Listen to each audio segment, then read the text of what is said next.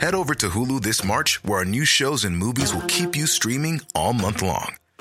Catch the award winning movie Poor Things, starring Emma Stone, Mark Ruffalo, and Willem Dafoe. Check out the new documentary, Freaknik The Wildest Party Never Told, about the iconic Atlanta Street Party. And don't miss FX's Shogun, a reimagining of the epic tale, starring Anna Sawai. So, what are you waiting for? Go stream something new on Hulu. Ryan Reynolds here from Mint Mobile. With the price of just about everything going up during inflation, we thought we'd bring our prices down. So to help us, we brought in a reverse auctioneer, which is apparently a thing. Mint Mobile unlimited premium wireless. Ready to get 30, 30, bit to get 30, bit to get 20, 20, 20, bit to get 20, 20, bit to get 15, 15, 15, 15 just 15 bucks a month. So, Give it a try at mintmobile.com slash switch. $45 upfront for three months plus taxes and fees. Promo rate for new customers for limited time. Unlimited more than 40 gigabytes per month. Slows. Full terms at mintmobile.com.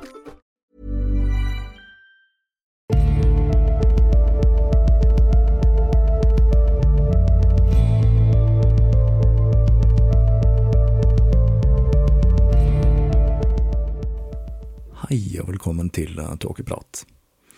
Jeg heter Even, og når jeg tar opp denne episode 235, er det torsdag den 1. februar 2024. Nå har vi kommet til den andre delen i serien om Leonardo da Vinci. Aller først vil jeg komme med en liten teknisk oppdatering, om vi kan kalle det det. Som jeg har nevnt tidligere, så har det vært noe feil med Tåkeprat sin statistikk på podtoppen. Dette skal nå være rettet, men på grunn av at det tar en uke å samle inn tall for Kantar, som leverer tall til podtoppen, så er jeg ikke der denne uka. For min del så foretrekker jeg å ikke være der, framfor å være der med feil tall. Den observante lytter legger sikkert også merke til at denne episoden kommer litt tidligere enn min vanlige podkastsyklus når jeg jobber med disse store seriene. Det skyldes rett og slett at jeg reiser bort noen dager, og derfor satte alle kluter til for å få ut denne episoden før avreise. Det var ganske intenst, men jeg får håpe at episoden er verdt det. For nå skal vi blant annet kikke litt nærmere på noen kanskje mindre kjente sider av Leonardo da Vinci. Og det er spesielt én sak her som nok kan være litt forstyrrende for en del lyttere der ute og det var vel det man kaller for en trigger warning på godt norsk. For er det én ting jeg ikke kan beskyldes for her i Tåkeprat, så må det være at jeg pynter på historien. Og med det gir jeg dere denne andre delen i serien om Leonardo da Vinci.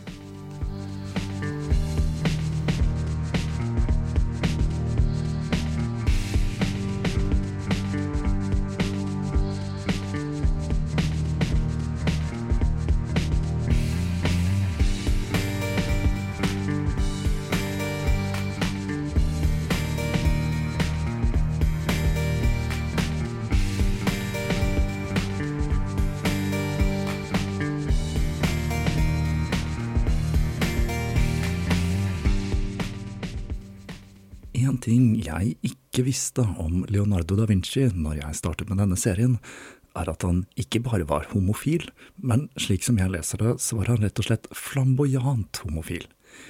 Jeg er ganske sikker på at den godeste Leonardo hadde elsket Melodi Grand Prix, for å si det på den måten.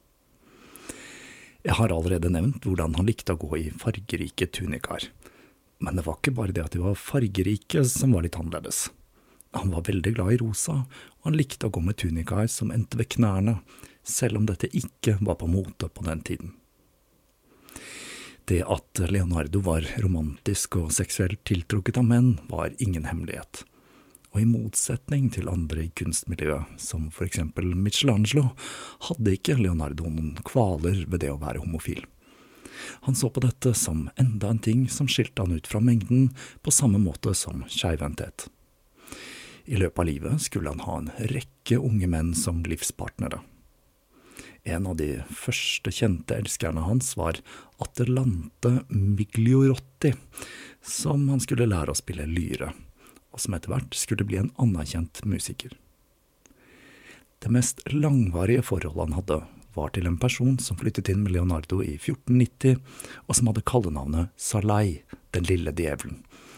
Og han kommer vi tilbake igjen til senere, for det er en komplisert, og en smule ubehagelig fortelling. Leonardo hadde aldri et forhold til en kvinne, og han skrev flere ganger i notatbøkene sine om hvor frastøtende han fant tanken på heterofil sex. For eksempel, den seksuelle handlingen vaginalsex og de kroppsdeler som blir brukt, er så frastøtende at hadde det ikke vært for skjønnheten til ansiktene og utsmykningen til kroppene, hadde den menneskelige rase dødd ut. I april 1476 smalt det når Leonardo sammen med fire andre ble anklaget for sodomi med en mannlig prostituert. Anklagen var anonym, og den ble levert til en såkalt tamburo. Det var en slags postboks der man kunne legge klagebrev til politiet. Den som ble anklaget for prostitusjon, var en 17-årig gutt som jobbet for en lokal gullsmed og i brevet kunne politiet lese at han kler seg i svart og er med i mange syndige handlinger og tilfredsstiller de som spør etter tjenestene hans. Heldigvis for Leonardo hadde en av de andre anklagede tette bånd til Medici-familien, og saken den ble henlagt. Men noen uker senere kom et nytt brev med nye beskyldninger, men også denne anklagen ble lagt død. Homofili var ganske så utbredt i Firenze, så utbredt at en firenser ble slang for homo i Tyskland. Blant kjente homofile kunstnere finner vi altså den tidligere nevnte Michelangelo. I tillegg så finner vi Donatello, Verrocchio og Botticelli, som selv ble anklaget for sodomi. Sodomi var en forbrytelse som ble straffet hardt. I 1484 kom det en bulle fra paven som sammenlignet sodomi med å ligge med demoner. Og ble man funnet skyldig i dette, så kunne det i verste fall føre til dødsstraff. Noen biografer har foreslått at Leonardo undertrykket seksualiteten sin, og at det var med på å drive ham som kunstner. Men det er ingenting som tyder på at han levde et liv i sølibat, snarere tvert imot. Det virker som om han observerte sin egen seksualitet med glimt i øyet. I notatbøkene skriver han følgende om mannens penis. Penisen har sin egen intellekt. Når en mann ønsker å stimulere den, går den ofte sin egen vei, noen ganger uten eierens tillatelse. Enten han er våken eller sover, gjør den det den ønsker. Ofte, når mannen ønsker å bruke den, vil den ikke lyste, og ofte ønsker den å bli brukt når mannen forbyr det. Det ser derfor ut som om denne skapningen har et liv og en intelligens separat fra mannen. Mannen gjør feil i å være skamfull og for å gi den et navn eller å vise den fram, og ved alltid å skjule noe som fortjener å bli forgudet og vist fram med seremoni. Det var Leonardo da Vinci-sitatet sitt, Leonardo var generelt langt mer opptatt av den mannlige kroppen enn den kvinnelige. Og alle kvinnene han malte, med ett unntak, var malt fra livet og opp. Men det forhindret ham ikke fra å være en mester i å male kvinner. Leonardos kvinner var ikke passive kulisser, men livaktige personer med komplekse følelser og sjeleliv. I brevet som anklaget Leonardo for sodomi, sto det at han jobbet ved kunstverkstedet til Verrocchio. Leonardo var 24, og det var normalt å flytte ut fra kunstkollektivet og starte for seg selv lenge før man nærmet seg midten av 20-årene. Men han likte Sasa så godt der. Det kan tenkes at det var denne skandalen, hvor han ble anklaget for sodomi, som gjorde at han til slutt bestemte seg for å flytte ut og åpne sitt eget kunstverksted i 1477. Men dette prosjektet det skulle ikke gå så veldig bra. I løpet av de fem årene han drev da, fikk han kun tre oppdrag, og på toppen av det hele så klarte han ikke å fullføre to av dem, og det tredje, det begynte han ikke på i det hele tatt. Faren til Leonardo var bekymret over sønnens manglende gjennomføringsevne. Men til tross for at det ikke gikk så raskt i svingene, så viser de to uferdige bildene tilbedelsen av magiene og Sankt Jerome at Leonardo var i ferd med å utvikle en ny stil hvor han fikk fram psykologien til personene han malte. Leonardo studerte mennesker inngående, og han skrev iherdig ned hva han observerte. Han ville uttrykke ikke bare kroppens bevegelser, men også psyken, og forbinde de to i kunsten sin. Her kan det jo tenkes at det var en fordel at han bodde i Italia, som jo den dag i dag er kjent for heftig bruk av kroppsspråk og følelser. Dette med å uttrykke det indre følelseslivet i bilder var langt fra noen ny idé, og Alberti, denne polymatten som hadde en stor innflytelse på Leonardo, skrev at bevegelsene til sjelen gjør seg kjent gjennom bevegelsene til kroppen. Denne ideen om hvordan sjelelivet henger sammen med kroppens bevegelse, var noe som senere skulle drive ham til å gå dypt inn i den menneskelige anatomi. Han forsøkte å finne ut hvilke nerver som styrte hvilke muskler, og hvordan følelser hang sammen med sanseapparatet. Han skulle til og med forsøke å finne ut hvilke deler av hjernen som gjorde hva. Mot slutten av livet skulle denne fascinasjonen nesten bli en besettelse for Leonardo. Det at Leonardo ikke klarte å fullføre verkene sine, kan ha vært en av årsakene til at han skled inn i en depresjon. Notatbøkene hans fra 1480 reflekterer dette, og han skrev blant annet Jeg trodde jeg lærte hvordan jeg skal leve, mens jeg egentlig lærte å dø. Videre noterte han råd fra venner, som fra en viss Johannes, som fortalte ham at det finnes ingen nådegave uten lidelse. Mens Leonardo måtte gå noen runder med seg selv, høstet rivalene hans stor suksess. Botticelli hadde blitt favorittmaleren til Medici-klanen, og i 1481 innkalte pave Sixtus 4. kunstnere fra Firenze for å dekorere Det sixtinske kapell. Men Leonardo, han var ikke blant de utvalgte.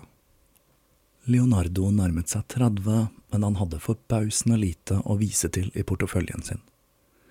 Det var bidragene han hadde gjort til Verrocchios malerier, et par Madonna-malerier, Ginevra de Benchi, et maleri han hadde malt på oppdrag, men ikke hadde gitt fra seg, og to uferdige malerier. Leonardo bestemte seg for at tiden var inne for å prøve seg på noe nytt, og i 1482 forlot han Firenze og satte kursen mot Milano, en by der han skulle tilbringe de neste 17 årene av sitt liv. Leonardo var en del av en diplomatisk delegasjon sendt av Lorenzo den fantastiske, med en lyre som var laget av sølv formet som et hestehode. Med seg i følge hadde han elskeren Atalante Migliorotti, som var blitt en svært habil lyrespiller med Leonardos hjelp. Medici-familien forsøkte å smi allianser med de andre italienske bystatene, og i tillegg til delegasjonen til Leonardo sendte Lorenzo Botticelli til Roma og Verrocchio til Venezia. Leonardo skriver i notatboken sin at turen var 30 mil lang, og det er mye mulig at han eh, tok dette målet med et odometer han selv hadde konstruert, som brukte vognhjul til å måle avstand. Jeg forestiller meg jo at dette var et forholdsvis fargerikt følge. Leonardo pakket med seg det meste han eide noe som tyder på at han belaget seg på å bli i Milano i all overskuelig framtid. Byen hadde 125 000 innbyggere, og var altså tre ganger så stor som Firenze. Det som gjorde Leonardo spesielt interessert i byen, var at dette ikke var en republikk, men en bystat styrt av adel, og det betød nye muligheter for Leonardo eller adel og adel, fru Blom. De siste 200 årene hadde byen blitt styrt av diverse militære ledere som ga seg selv titler, og familien som satt på tronen i 1482 var Schwarza-familien. Siden de var opptatt av å fremstå så adelig som mulig, brukte de store summer på alt som kunne være med å legitimere dem som adelige, som kunst, musikk og arkitektur. Det var Ludvico Sforza, som var jevngammel med Leonardo, som regjerte når han ankom. Ludvico, som var så mørk i huden at han hadde fått tilnavnet Maureren, var ikke den egentlige hertugen av Milan, men han var det i praksis, og han skulle etter hvert ta over tittelen.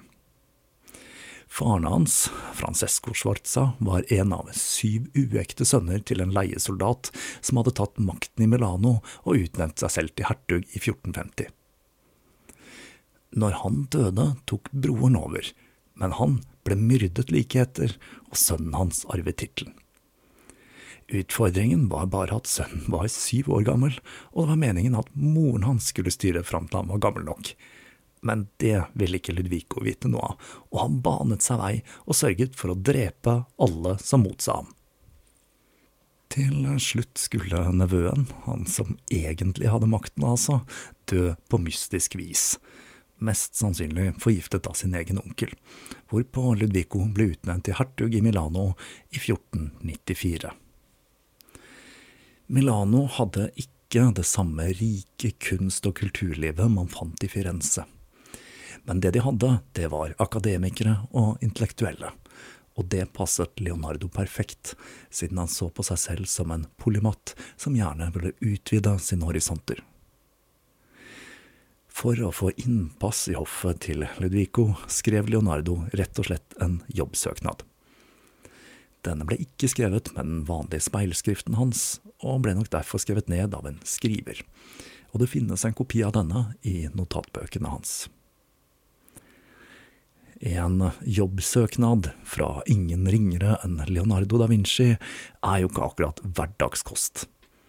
Denne søknaden er lang, så jeg skal ikke ta med hele greia her, men her har dere noen utdrag, dersom dere skulle befinne dere i en situasjon der dere trenger å søke jobb hos en krigersk hertug en gang i framtiden. Han skrev Strålende herre. Etter å ha studert alle oppfinnelsene til de som kaller seg selv erfarne oppfinnere av krigsinstrumenter, og etter å ha funnet ut at disse ikke skiller seg ut ifra de instrumenter som vanligvis brukes i krigføring, vil jeg ærbødigst, med respekt for dem, tilby mine egne hemmeligheter til Deres Eksellense, og jeg kan demonstrere dem på forespørsel.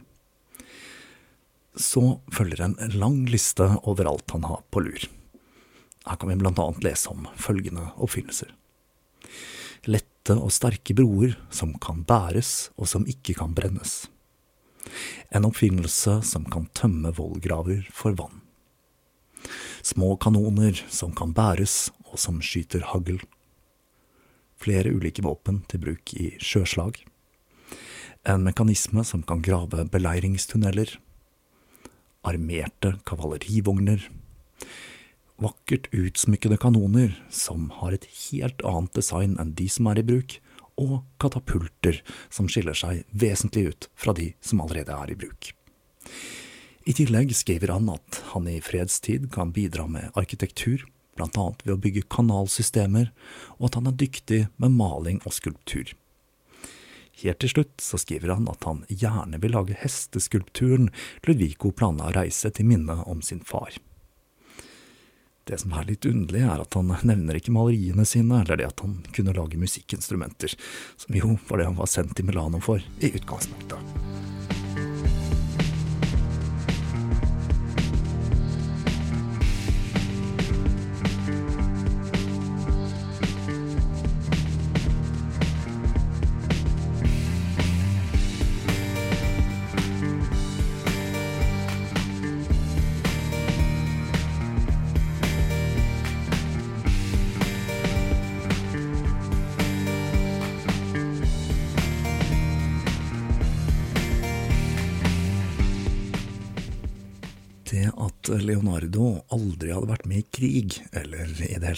Sett et slag, forhindret ham ikke fra å presentere seg selv som en slags stridsingeniør.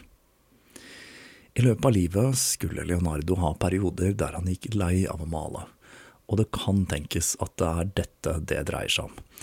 Han hadde rett og slett lyst til å prøve noe nytt. Etter han slo seg ned i Milano, begynte han å lese Roger Bacon, den engelske filosofen og fransiskanermunken, og der fikk han mange ideer han utbroderte og gjorde til sine egne.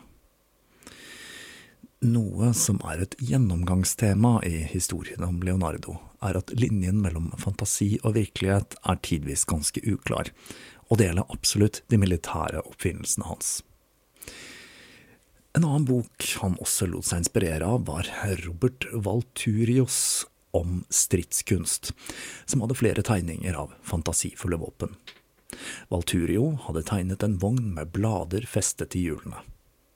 Leonardo han tok dette konseptet til nye høyder, og tegnet en hestetrukket vogn med roterende ljåblader som bokstavelig talt kunne meie seg gjennom fiendens linjer.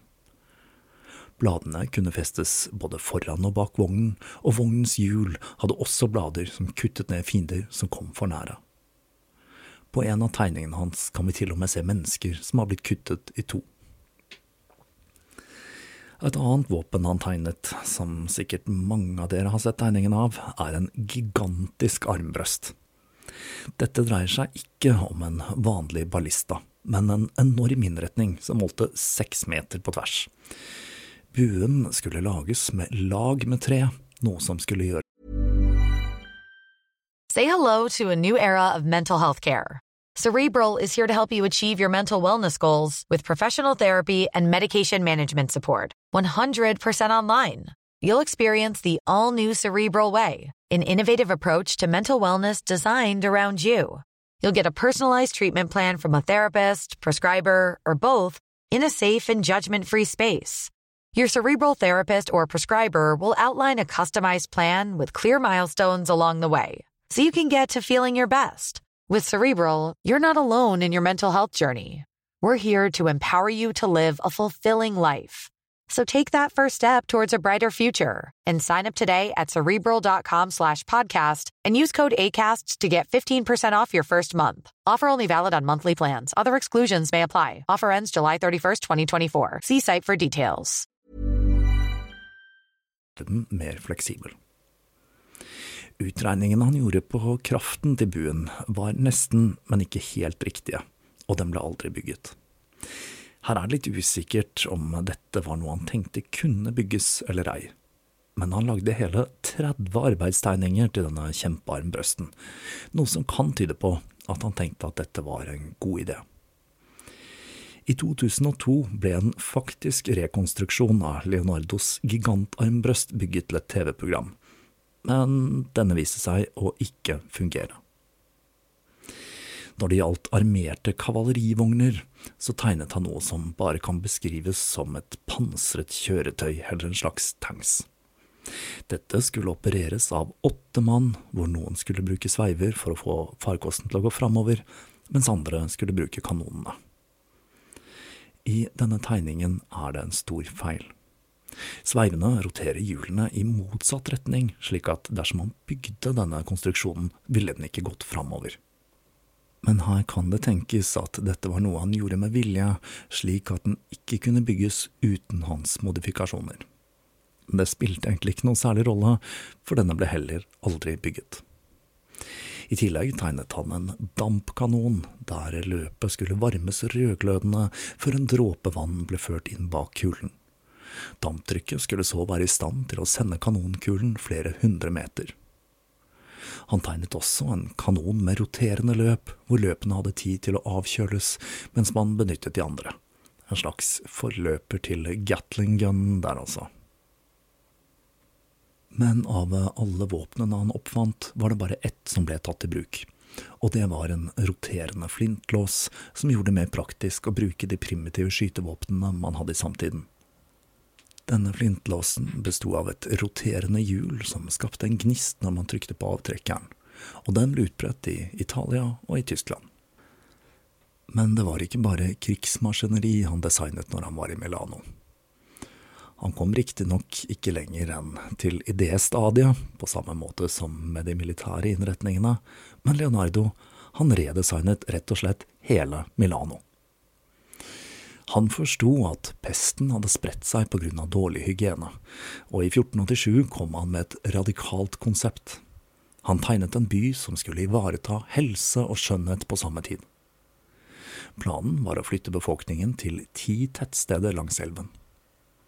Han sammenlignet byer med organismer som pustet og hadde væsker som trengte å bevege seg på samme måte som blod i kroppen.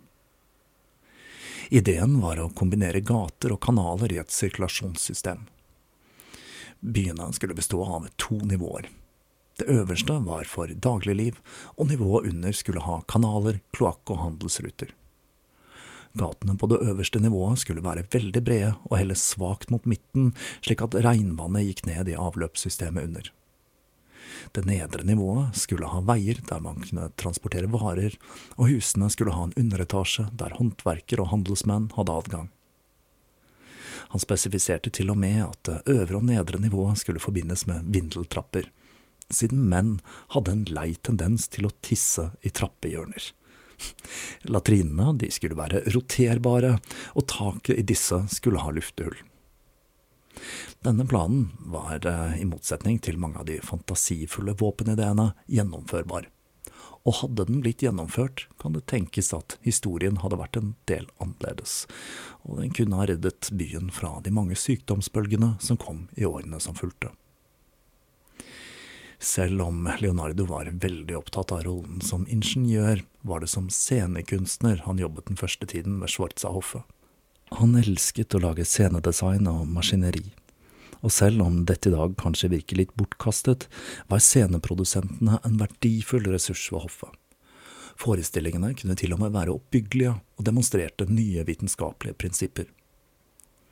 I teaterstykker ble Schwartza-familiens herredømme legitimert, noe som gjorde at Ludvico gjorde teaterproduksjonen til en industri. Han stelte også i stand store ball, og med disse klarte han å distrahere nevøen sin, blant annet ved å få ham til å drikke veldig mye. Et av disse ballene Leonardo var involvert i, var giftermålet til nevøen med Isabella av Aragon, prinsesse av Napoli, og hun mener jeg da virkelig vi har vært borti før her i Tåkeprat. Vi har i hvert fall vært borti en Isabella av Aragon, om ikke akkurat denne Isabellaen. For Leonardo var de mekaniske innretningene minst like interessante som de artistiske aspektene ved skuespill, og han elsket å lage innretninger som skapte illusjonen av flyvende gjenstander og sceneeffekter som var bevegelige, og som trollmant publikum. En stor fordel for den distré Leonardo var at han måtte jobbe med korte tidsfrister. Han var rett og slett nødt til å lære seg å bli ferdig, og som vi har sett, så er dette noe han virkelig trengte å jobbe med. Det å lage flygende objekter til teater var også noe som skulle inspirere ham til å forsøke å fly i den virkelige verden. Det var jo Leonardos lyre som hadde gjort at han hadde blitt utvalgt til å være sendebud til Milano. Men musikkinstrumentmaker var ikke en ting han beskrev seg som i denne jobbsøknaden. Leonardo var selv en svært dyktig lyrespiller, og han pleide å synge til når han spilte. Det finnes ingen noter etter Leonardo, og det skyldtes at han rett og slett improviserte når han underholdt ved hoffet. Leonardo skulle tegne en rekke ulike instrumenter, hvor han eksperimenterte med nye måter å kontrollere tonene på. Noen var svært kunstferdig utformet, som et trestrengs fiolinlignende instrument med en geiteskalle, et fuglenebb og fjær, hvor strengene var festet til tenner skåret ut på enden av instrumentet. Av andre typer instrumenter finner vi et instrument der man via et klaviatur fikk hamre til å slå på en klokke på ulike steder, slik at det oppsto forskjellige toner. Han tegnet også et instrument der denne klokken var byttet ut med forskjellige trommer, så det ble et slags slagverk-sembalo, om du vil. Det mest spektakulære instrumentet han tegnet, var viola organista. Dette dreide seg om en krysning mellom en fiolin og et orgel, der et klaviatur fikk en bue til å bevege seg over strenger. I den endelige tegningen var buen som slo an strengene, lagt på et hjul, slik at tonen kunne holdes evig lenge, og det var mulig å spille på flere strenger på en gang.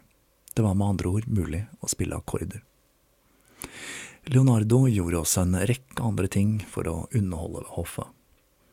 En ting jeg føler det er verdt å nevne, er en serie med tegninger som han kalte Visi Mostrosi, eller Monstrøse ansikter. Disse tegningene, som i dag omtales som hans grotesker, er satiriske tegninger som visstnok vakte en del oppsikt og latter ved hoffet. Tegningene er et godt eksempel på hvordan Leonardo brukte observasjon. Han gikk i Milanos gater på jakt etter personer med spesielt iøynefallende utseende. Når han fant noen han tenkte kunne passe, inviterte han dem med seg til middag. Under middagen fortalte han historier som fikk dem til å le eller reagere på ulikt vis, og han observerte hvordan følelsene gjorde seg uttrykk i ansiktene deres, og forsøkte å gjenskape dette i kunsten sin.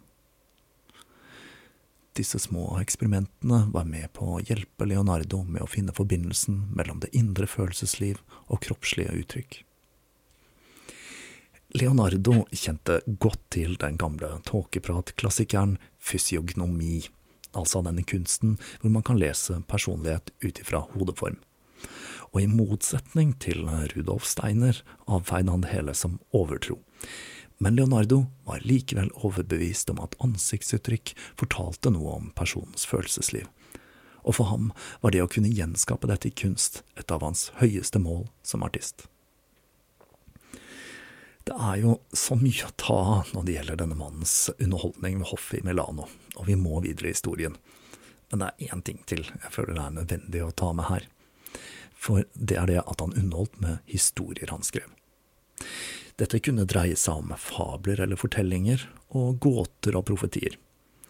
Vi skal ikke gå så altfor dypt inn i dem her, men den sistnevnte kategorien, profetier, det var en type historier der han parodierte dommedagsprofeter med profetier som ofte inneholdt en gåte, og disse ble gjerne akkompagnert av fysiske triks, som pyrotekniske eksplosjoner og lysglimt.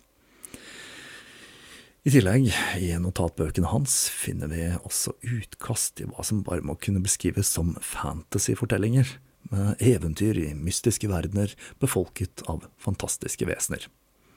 Han hadde i det hele tatt ganske mange baller i luften på en gang. I Milano ble Leonardo raskt kjent både for talentet sitt, sin vinnende personlighet og utseende. Han var en attraktiv, muskuløs fyr, med en talegave som gjorde ham godt likt og en ettertraktet samtalepartner. Han var også svært sjenerøs, og han hadde en filosofi om at det var viktigere å tilegne seg visdom enn rikdom, og han forsøkte aldri å tilegne seg mer enn det han trengte for å drive husholdningen sin.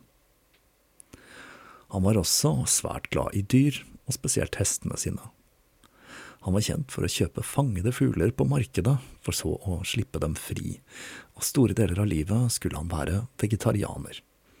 Han foretrakk klær i lin for å unngå å gå i noe som var laget av døde dyr, ble det fortalt. I det hele tatt han var en ganske likende kar. Men det er jo noen skjær i sjøen her, da. For eh, som jeg nevnte i forrige episode, så ble den humanistiske bølgen i Italia inspirert av de klassiske greske filosofene. Og jeg skulle ønske det stoppet med filosofien når det gjaldt inspirasjon fra dem. For som kjent så var pederasti utbredt i antikkens Hellas, og når jeg ser på historien om Salai, eller Den lille djevelen jeg nevnte tidligere, så er det vanskelig å tenke at det ikke er noe som skurrer litt her. Gian Giacomo Caprotti flyttet inn i husholdningen til Leonardo når Leonardo var 38, og Giacomo, han var, nå må dere holde dere fast, ti år gammel. Han kom inn i husholdningen som en tjener, og Leonardo skulle bruke ham flittig som modell. Leonardo omtalte ham av og til som min elev, men dette er litt misvisende, siden han aldri skulle bli noe mer enn en helt middels kunstner uten noen nevnverdige verk bak seg. Han var Leonardos assistent, og på et eller annet tidspunkt så ble de to elskere, eller hva man nå skal kalle det. Det er vanskelig å si akkurat når dette skjedde, men at det skjedde, det er vi ganske sikre på.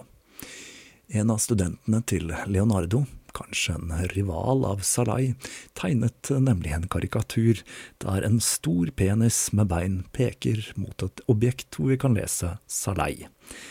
Dette forholdet var nemlig ingen hemmelighet, og det var godt kjent blant Leonardos elever. Salai fikk navnet sitt, altså Den lille djevelen, fordi han var langfingret. Han var rett og slett kjent for å stjele, og Leonardo dokumenterte dette i notatbøkene sine. Resten av livet brukte Leonardo mye penger på å kjøpe klær til Salei, gjerne fargerike klær, og aller helst rosa. Og det var altså den ikke så helt stuerene siden av Leonardo, men la oss gå litt videre i historien her. I 1487 ville milanesiske myndigheter få bygget på et nytt tårn på den gotiske katedralen i byen. Dette var en utfordring, siden katedralen hadde en strukturell utforming som gjorde dette svært krevende. En rekke arkitekter hadde allerede forsøkt og feilet, men nå ble Leonardo satt på saken, sammen med to av de beste arkitektene i samtiden, Donato Bramante og Francesco di Giorgio. Leonardo var glad i å sammenligne arkitektur med menneskekroppen, og han mente at på samme måte som en lege kunne helbrede kroppen, trengte bygningen en legearkitekt som forsto den, og hvordan den var konstruert. Leonardo tegnet et forslag og fikk laget en modell i tre. De milanesiske myndighetene klødde seg litt i hodet av forslaget til Leonardo, for det så vesentlig annerledes ut enn den gotiske stilen til katedralen, og de var heller ikke helt fornøyde med forslaget til Donato.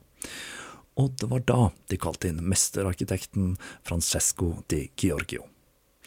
Han var 13 år eldre enn Leonardo, og han var enda en av disse polymattene som kombinerte arkitektur, kunst og ingeniørkunst. Han kastet seg over prosjektet, og forslaget hans ble avgjort som det beste. Leonardo meldte seg ut av prosessen, siden han likte sitt eget forslag bedre, men det gjorde ham ikke noe mindre interessert i kirkedesign.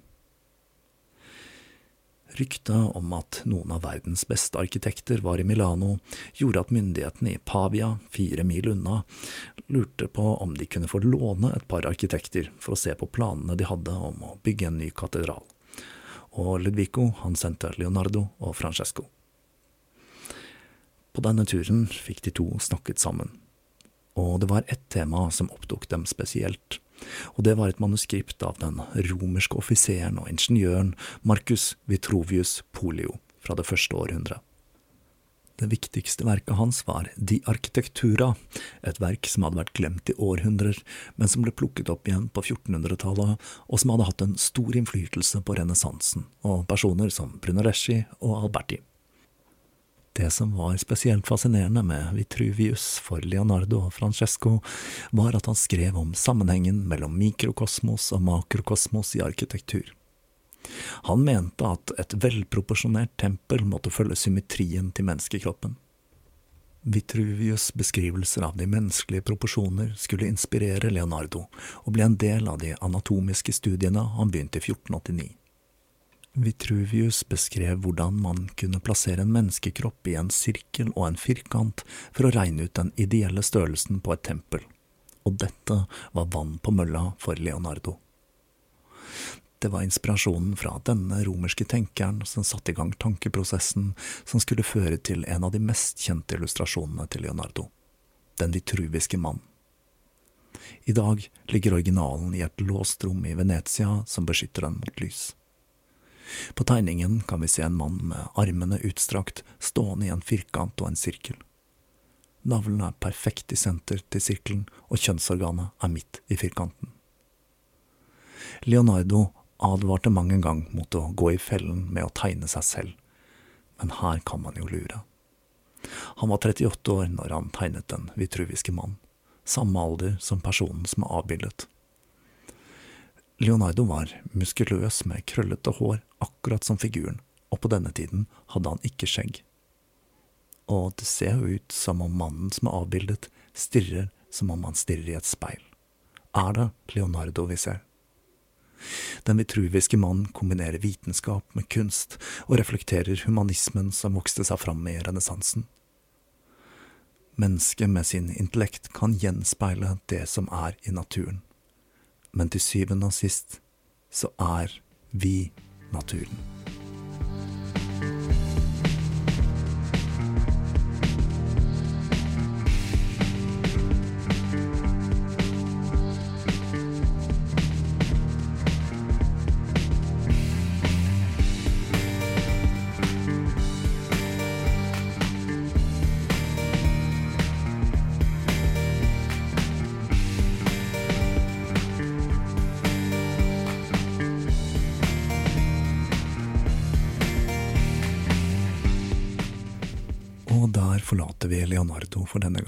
Men vitruviske mann. Jeg må jo si at episoden med Den lille djevelen gir en viss bismak til fortellingen om denne ellers så geniale fyren. er vel og bra at det er en annen tid og kultur, men like fullt så føler jeg at dette kaster en liten skygge over historien om mesteren. Det er rett og slett litt guffent. Det er fristende å tegne et bilde av Leonardo som en litt fruity fyr, der han dro av gårde med dette diplomatiske følget sitt, med egenkonstruert odometer på vogna, fargesprakende klær og lyre med hestehode. Jeg følte at munterheten gikk litt ut av episoden med fortellingen om Salai. Allikevel skal jeg forsøke å holde stø kurs i episodene framover, for eh, man kan ikke avskrive Leonardo til tross for den litt uventede vendingen i historien. Så der har dere den tåkepratversjonen av historien om Leonardo. Men nå, nå skal jeg pakke og gjøre meg klar for en liten ekskursjon til Vestlandet. Vi høres igjen om ikke lenge.